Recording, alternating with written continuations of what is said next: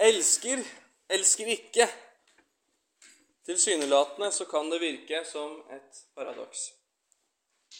Det er to ting jeg tenker på at jeg skal svare på i den preken. Og nummer én det er hvorfor skal vi hate denne verden? Og nummer to er hvorfor skal vi elske denne verden? 1. Johannes 2,15.: Elsk ikke denne verden. Og alle kjenner vel til Johannes 3, 16, som sier For så høyt har Gud elsket verden. Det kan være forvirrende. For seks-sju år siden så hørte jeg Kevin de Young undervise om det her på en Ligonier-konferanse. Og mye av det jeg er innom i dag, kommer fra den konferansen med, med de Young, med Horton osv. Alle som er i Kristus, burde leve og streve etter å ha og leve et hellig liv. Ha et ønske om å leve til Hans ære. Et liv som er verdig Hans lidelse på korset. Derfor er dagens preken litt om åssen vi kan forstå det her med, med å elske verden, ikke elske verden, ikke være som verden. For noen år siden så leste jeg en artikkel fra, fra Mike Horton som jeg nevnte, om hvor forvirrende det var for han når han vokste opp med å synge This world is not my home. Denne verden er ikke mitt hjem. Og så senere på dagen så kunne han synge This is my father's world. Dette er min fars verden. Så hvem av de her er det som er riktig? Det er egentlig begge to. Disse sanga bruker ordet 'verden' på to forskjellige måter. Og Bibelen bruker òg 'verden' på i hvert fall to forskjellige måter. Ord kan ha en ganske stor rekkevidde av mening. Det samme ordet kan bety litt forskjellige ting. Vi har, På norsk så kan vi si tre. Hva er tre? Jo, det er et tall. Nei, et tre er et tre som står i bakken. Hva betyr mot? Mot betyr å være modig. Eh, nei, mot er å være mot noe. Eller mot kan være at du er på veien mot noe. Så ord kan bety litt forskjellige ting. Et av disse viktige orda i Det nye testamentet er et ord som heter kosmos. Det er brukt 186 ganger i Nytestamentet. Og hva betyr kosmos? Kosmos kan bety summen av alt som er skapt, altså universet.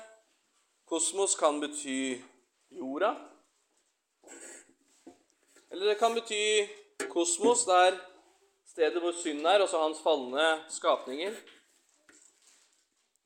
Verden kan bety liksom den falne kreasjonen som er under den onde, som er hersker over denne verden. I Johannes 17, 13 så leser vi Men nå kommer jeg til deg, og dette taler jeg i verden, for at de skal ha min glede fullkommen i seg. Jeg har gitt dem ditt ord, og verden har hatet dem, fordi de er ikke av verden, slik jeg ikke er av verden. Og i Johannes, 1. Johannes 3, 13, undre dere ikke, brødre, om denne verden hater dere. Dette er verden som er under den onde. Men det er også to sider av den mynten. Den falne skapelsen kan nå være objektet for Guds kjærlighet. Akkurat som Johannes 3, 16, For så høyt har Gud elska verden. Mennesker i denne falne verden skal bli elska, men systemet av den falne verden skal bli avvist. Jeg sier ikke 'elsk synderen og hat synden', som er sitater fra andre steder enn Bibelen. Men jeg skjelner her på en annen måte. Mennesker har en verdi. De er skapt i Guds bilde, i dei. Om vi ikke kan forstå de her to sidene av kosmos og verden, så vil vi aldri bli modne kristne. For du vil ha folk på den sida her. Og den folk, folka som er på sida her, den vil si vi må elske verden. For så høyt elsket Gud verden. Den vil forandre kultur med snillisme. Samtidig så blir de konforme, altså like, i alt hva verden anser som relevant. Vi må ha det fordi Og det er fint, og det er fint, og vi må ha det fordi verden Så koselig. Vi glemmer versa som snakker om verden. Den andre verden. Den verden som er under den onde. Den verden som har fristelser og farer rundt deg hele tida. Men igjen, om du bare holder til det synet, så blir du fort bitter og unyansert. Verden er ond. Derfor elsker jeg ingen. Eller ingenting i verden, inkludert deg. Prøver bare å være bibelsk. Det skal godt gjøres å oppbefale å oppfylle misjonsbefalingen på den måten. Om du lytter på nett og ikke ser på talen, så har jeg liksom ansiktsuttrykk når jeg sier det her. Ironi og sarkasme kan være vanskelig å forstå når det ikke er til stede. Vi jobber ut fra tekstene i 1. Johannes 2, vers 15, 16 og 17. Elsk ikke verden eller de ting som er i verden. Hvis noen elsker verden, er ikke Faderens kjærlighet i ham. For alt som er i verden, kjødets lyst, øynenes lyst, stolthet over livets goder, er ikke av Faderen, men er av verden. Og verden forgår, så den blir borte. Det samme gjør verdens lyst. Men den som gjør Guds vilje, forblir til evig tid. Hovedpoenget her er veldig lett å se. Og du trenger ikke å være en rakettforsker eller en stor teolog for å skjønne det her. Så poenget i selve paragrafen er 'elsk ikke verden'. Det at Johannes under ledelse av Den hellige ånd måtte skrive det her, så vi i dag, et par tusen år senere, fortsatt kan sitte og lese det her, det er fordi vi mennesker vi har en inklinasjon, og så vi luter, vi lener mot å gjøre nettopp det der. Uansett hvor mange gudstjenester du har vært på, Uansett hvor fin du utvendig ser ut, altså uansett hvor lenge du står i garasjen, så blir du ikke en bil. Denne lutinga og leninga mot den synden er en realitet i våre falne menneskehjerter. Elsk ikke verden. Vi ser i verset foran, i 14 Jeg oppmuntrer dere unge. Vær sterke. Og når sier vi til noen 'vær sterk'? Jo, vi sier det som en oppmuntring. Vi sier det 'vær sterk'. Akkurat som du sier det til familiemedlemmer. Når du skal klare noe, så sier vi 'vær sterk'. Du klarer det. Ja, vi er syndige, og vi er falne. Og vi kan aldri jobbe oss til eller bli gode nok av seg sjøl. Men vi skal være sterke, og vi skal huske det her. Jo mer du vokser i hellighet, jo mer ser du din egen ufullkommenhet. Allikevel så ville Gud at du skulle lese det her i dag. Vær sterk. Elsk ikke verden. Så elsk ikke verden eller tingene i verden. Men hva var de tingene i verden? I vers 16 så gir han oss de tingene. Det som ofte kaltes treenigheten av ondskap kjødets lyst, øynenes lyst og stolthet. La oss gå litt gjennom dem. Kjødets lyst. Det vi begjærer i vårt kjøtt, kan være seksuelle ting, sensualitet, urenhet, hevn, splittelse. Det å være lik Kristus er å elske din neste som deg sjøl. Og det motsatte av det, det vil da være å elske seg sjøl så mye mer enn sin neste. Du våkner på morgenen, så tenker du Hva vil tilfredsstille meg i dag? Hva vil få meg til å føle meg bra akkurat nå? det bringer deg til sjølve essensen av synd. Hva vil være tilfredsstillende for meg? Synd føles alltid godt akkurat når det skjer. Vi har kommet til et punkt i kirka og kultur hvor vi liksom ikke skal avvise de her begjærene. Men vi skal til og med omfavne dem og ta rundt dem. Så er de ikke født sånn, sier de. Jo, på en måte så er vi født sånn. Vi er jo syndere alle sammen. Men du kan bli født på ny. Som reformerte kristne så tror vi at vi kommer til verden, og vi er født inn i verden med en syndefull natur, som alltid i kjødet vil lene mot synd. Men du kan bli født på ny. Er du og jeg ivrig etter å tilfredsstille livets lyst, kjødets lyst? Vi skal egentlig ikke tenke på eller nevne noen av kjødets lyster, sier Efeserne 5. Jeg husker, jeg husker Kevin de Young fortalte en, en, morsom, sann analogi om, om det her. Han kjørte bil på vei til jobb. Og så hørte han på radio, og så sa radioverten Straks breaking news. Update om The Kardashians. Altså, Det her er liksom det som går gjennom hodet til Kevin. Da. Så han sier Altså Han visste jo ikke hvem det var, men han visste jo hvem det var. Han bodde i USA, men liksom Jeg kan ikke tro den verden vi lever i nå. Åssen er det ting har blitt? Altså Det er håpløst. Breaking update. Kardashians. Men vet dere hva den andre tanken hans var? Jeg lurer på hva det er. Det kan jo Er det en skandale?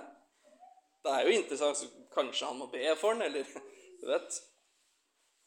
Men før historien kom frem som breaking news, så, kom han til sansene sine og tenkte at det, det kom, kan umulig komme noe godt ut av å sitte og vente på det her, så skru av. Ja, og, og, det, og det gjorde den. Men, men sånn er det noen ganger. Du scroller nyhetene på telefonen din, så ser du noe tull om noen kjendiser. Så tenker du at så latterlig. Men så må du sjekke. Du må se hva det er. Så på enkelte filmer så kan jeg si åh, fysj av meg. Så kan folk si du har ikke sett den engang. Nei, jeg har ikke sett den bevisst. Takk Gud. Noen ting kan du ha en fast bestemt mening om uten å nødvendigvis ha sett det. Fordi du vet hva som hva filmen innebærer, hva som er kjernen eller essensen av filmen. Forhåpentligvis har du hatt et liv leda av Jesus, så hodet ditt og hjertet ditt og kroppen din har blitt oppfylt og veileda av hans ord. Johannes går videre til neste kategori. Først kjødets lyst, deretter øynenes lyst. Så kjødets lyst kommer innenfra. Øynenes lyst kommer utenifra. Fristelser, grådighet, misunnelse, sensuelle ting, pene ting som tilfredsstiller. Dere husker hagen. Kvinnen så frukten på treet, og treet var en lyst å se på. Vi synder fordi det ser så godt ut. Et sitat fra professor eh, David Wells er Verdslighet er hva som får synd til å virke normalt, og rettferdighet til å virke fremmed. Det er, det er ikke først og fremst Darwin, Freud, Nietzsche eller andre som presser sin overbevisning på oss, men det er hva vi ser på nyheter, det er hva vi ser på YouTube, det er hva vi ser på Netflix. det er hva, Uansett hvilke sosiale medier du har, det kan være jobben din. Der er verdslighet normalt, og rettferdighet er fremmed. Det du konsumerer og tar inn, påvirker fordi det normaliserer. Det gjør det vanlig. Blir du utsatt for noe nok ganger, så slutter det å være like støtende, fordi grensen din for hva som er støtende, blir flytta lenger og lenger bort. Jeg elsker å se på fotball. Og de fleste har fått med seg at det er VM i Qatar. Fotball. VM handla like mye, om ikke mer, om regnbueflagg til støtte for alfabetmafiaen enn det har gjort om fotball. Og Vesten tar med seg da sin egen etnosentrisme inn i toleransens navn til Qatar. Et paradoks for mannen i gata.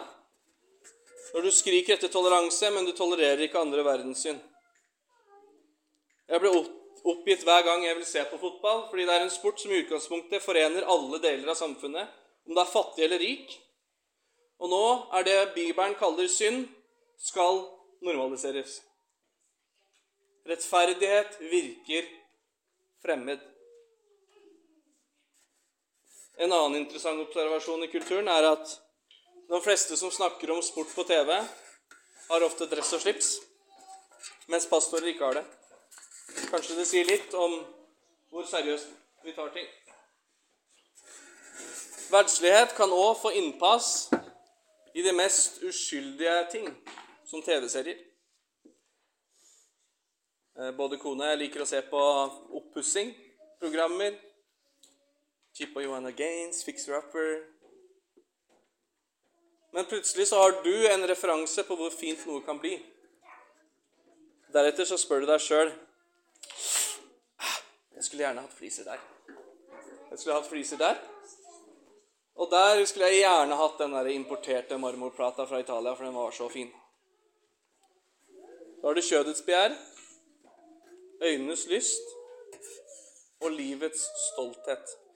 I 1. Johannes 3,17 så er det ordet 'bios' som er, som er, oversatt som I hvert fall i denne konteksten betyr da På, på norsk er oversatt som 'verdens goder', altså eiendommer, eiendeler. Det som er gjengangen her, er at vi blir advart om løgnen som sier at livet handler om deg. La meg lese vers 16-23 her. På dette har vi lært kjærligheten å kjenne, at Han ga sitt liv for oss, så også vi skylder å gi våre liv for våre brødre. Men hver den som har denne verdens goder, og ser sin bror i nød, men lukker sitt hjerte for ham, hvordan kan Guds kjærlighet bli i ham? Mine barn, La oss ikke elske med ord eller med tunge, men i gjerning og i sannhet. På dette vet vi at vi er av sannheten, og våre hjerter faller til ro innenfor ham. For dersom vårt hjerte fordømmer oss, er Gud større enn vårt hjerte og kjenner alt. Elskede, hvis vårt hjerte ikke fordømmer oss, så har vi frimodighet for Gud. Og hva vi enn ber om, det får vi fra ham, fordi vi holder Hans bud og gjør det som er til behag for ham. Og dette er hans bud, at vi skal tro på Hans Sønn Jesu Kristi navn og elske hverandre slik han ga oss bud om.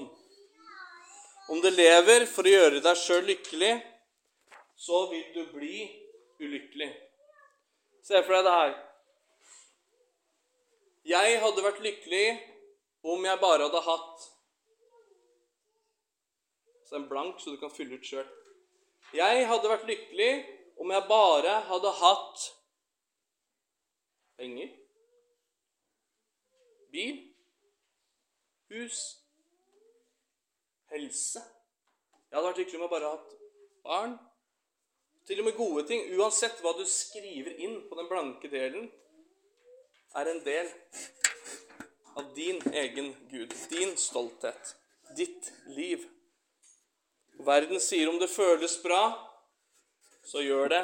Ser det bra ut, så gå for det. Men dette er verden. Disse tre tinga Johannes tar opp, hvis du tenker deg godt om, matcher veldig godt med akkurat hva Jesus møtte i ødemarken. 40 dagers faste. Du kan tenke deg sjøl. 40 dagers faste. Og djevelen sier sulten. Gjør steinene til brød. Ser du denne verdens rikdommer og dens ære? Bøy kne for meg, så skal alt det du ser, bli ditt. Øynenes lyst, kjødets lyst. Du er Guds sønn, ikke sant? Du kan få englene til å gjøre akkurat som du vil. Alle vil vite at du er Guds sønn. Og der har du stolthet. Det her det er fristelser som frelseren vår møtte. Og vi burde ikke bli overraska om vi står overfor akkurat det samme. Vi må ikke elske verden og tingene i verden. Vi ser på vers 15 og 16 han gir to grunner. Fordi det som er fra verden, er ikke fra Faderen. Hvis du elsker verden, er ikke Faderens kjærlighet i deg. Kjærlighet for verden og kjærlighet for Faderen ekskluderer hverandre. Du kan ikke gå halvveis. Det er ikke en sånn prosentfordeling. 60% til Gud og 40 til verden. Ja, han er jo 60% på Gud, så han får jo mest. Det er ikke sånn ting funker. Vi får ikke, vi får ikke en gradering her. Vi får kategorisk. Faderens kjærlighet er ikke i ham. Jakobs brev 4,4. Dere horkarer og horkvinner, vet dere ikke at vennskap med verden er fiendskap mot Gud? Vær den som vil være venn med verden, gjør seg selv til Guds fiende. En av de første tinga Johannes gjør, er å fortelle oss åssen vi kan være sikre på at vi er kristne. Det er tre tegn. Det første tegnet har du tro på Guds sønn. Deretter det moralske tegnet. Er du lydig mot Guds bud? Og det tredje, som du kan kalle det sosiale tegnet Har du kjærlighet til Guds folk? Dette er ikke frelseskriterier. Dette er ikke fundamentet vårt. Frelsekriteriet er, er, tro alene. Men dette det, det er veivisere. Det er skilt på veien som bekrefter at det er på vei, rett vei. Hvis du skal til eh, Vadsø oppe i nord Du har ikke vært der før, du kjører, du er litt usikker på veien. Så ser du etter et skilt som det står en pil det står avstand. Det står forhåpentligvis i ditt det står ikke avstand til død, men det står at du er på rett vei. Når du ser det skiltet, det står Vadsø, pil, den og den veien, så vet du jeg er på rett vei. Ser du de tre, tre tegna i ditt eget liv tro, lydighet og kjærlighet Og Selvsagt gjør vi ikke det her perfekt, men det er ikke poenget heller. 1. Johannes 1, vers 8. Hvis vi sier at vi ikke har synd, så bedrar vi oss selv. Og sannheten er ikke i oss.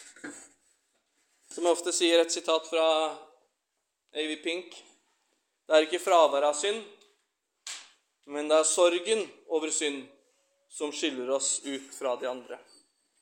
Sørger du over synd? Er du i krig med synd i livet ditt? Ikke utsett det. Ta krigen. Du er sterk. Det er ikke meninga at du skal gå herfra nedbrutt og føle meg litt ille. Ta et oppgjør med synd som bare en uke eller to. Men om du virkelig tror at salige er det rene av hjerte, for de skal se Gud så vil Den hellige ånd overbevise deg. Den genuine sorgen vil sette deg fri. Den verden her, den vil ikke gi deg noe som varer. Det eneste som kan gi deg noe som varer, det er din trofaste skaper. La oss omvende oss fra alle syndige utflukter. La våre hjerter og våre tanker være konsentrert om de tinga som er evige. La oss vandre oppriktig i ren sannhet, i ren samvittighet, veilede av Hans ord i alle ting. Lurer du på noe, noe skjer, barna, noe du vet ikke helt hva du skal gjøre Vær veileda av Hans ord. Ikke la Bibelen ligge der med støv fordi du søker råd, du vet ikke hva du skal gjøre, så går du heller på Google enn å ta opp Guds ord. Bruk Guds ord i alle ting du gjør. Google er ikke faren eller mora til barnet ditt. Faderen er det. Hvis vi stoler på ham, og hvis vi tror på ham, og hvis vi har tillit til ham, så bruker vi det han har sagt i hans ord, til å veilede oss for å ta valg som er gode og rene. Der vi ikke er tilstrekkelig, der håper vi, og vi klynger oss fast til korset og hviler i at hans død var nok for oss alle. La oss.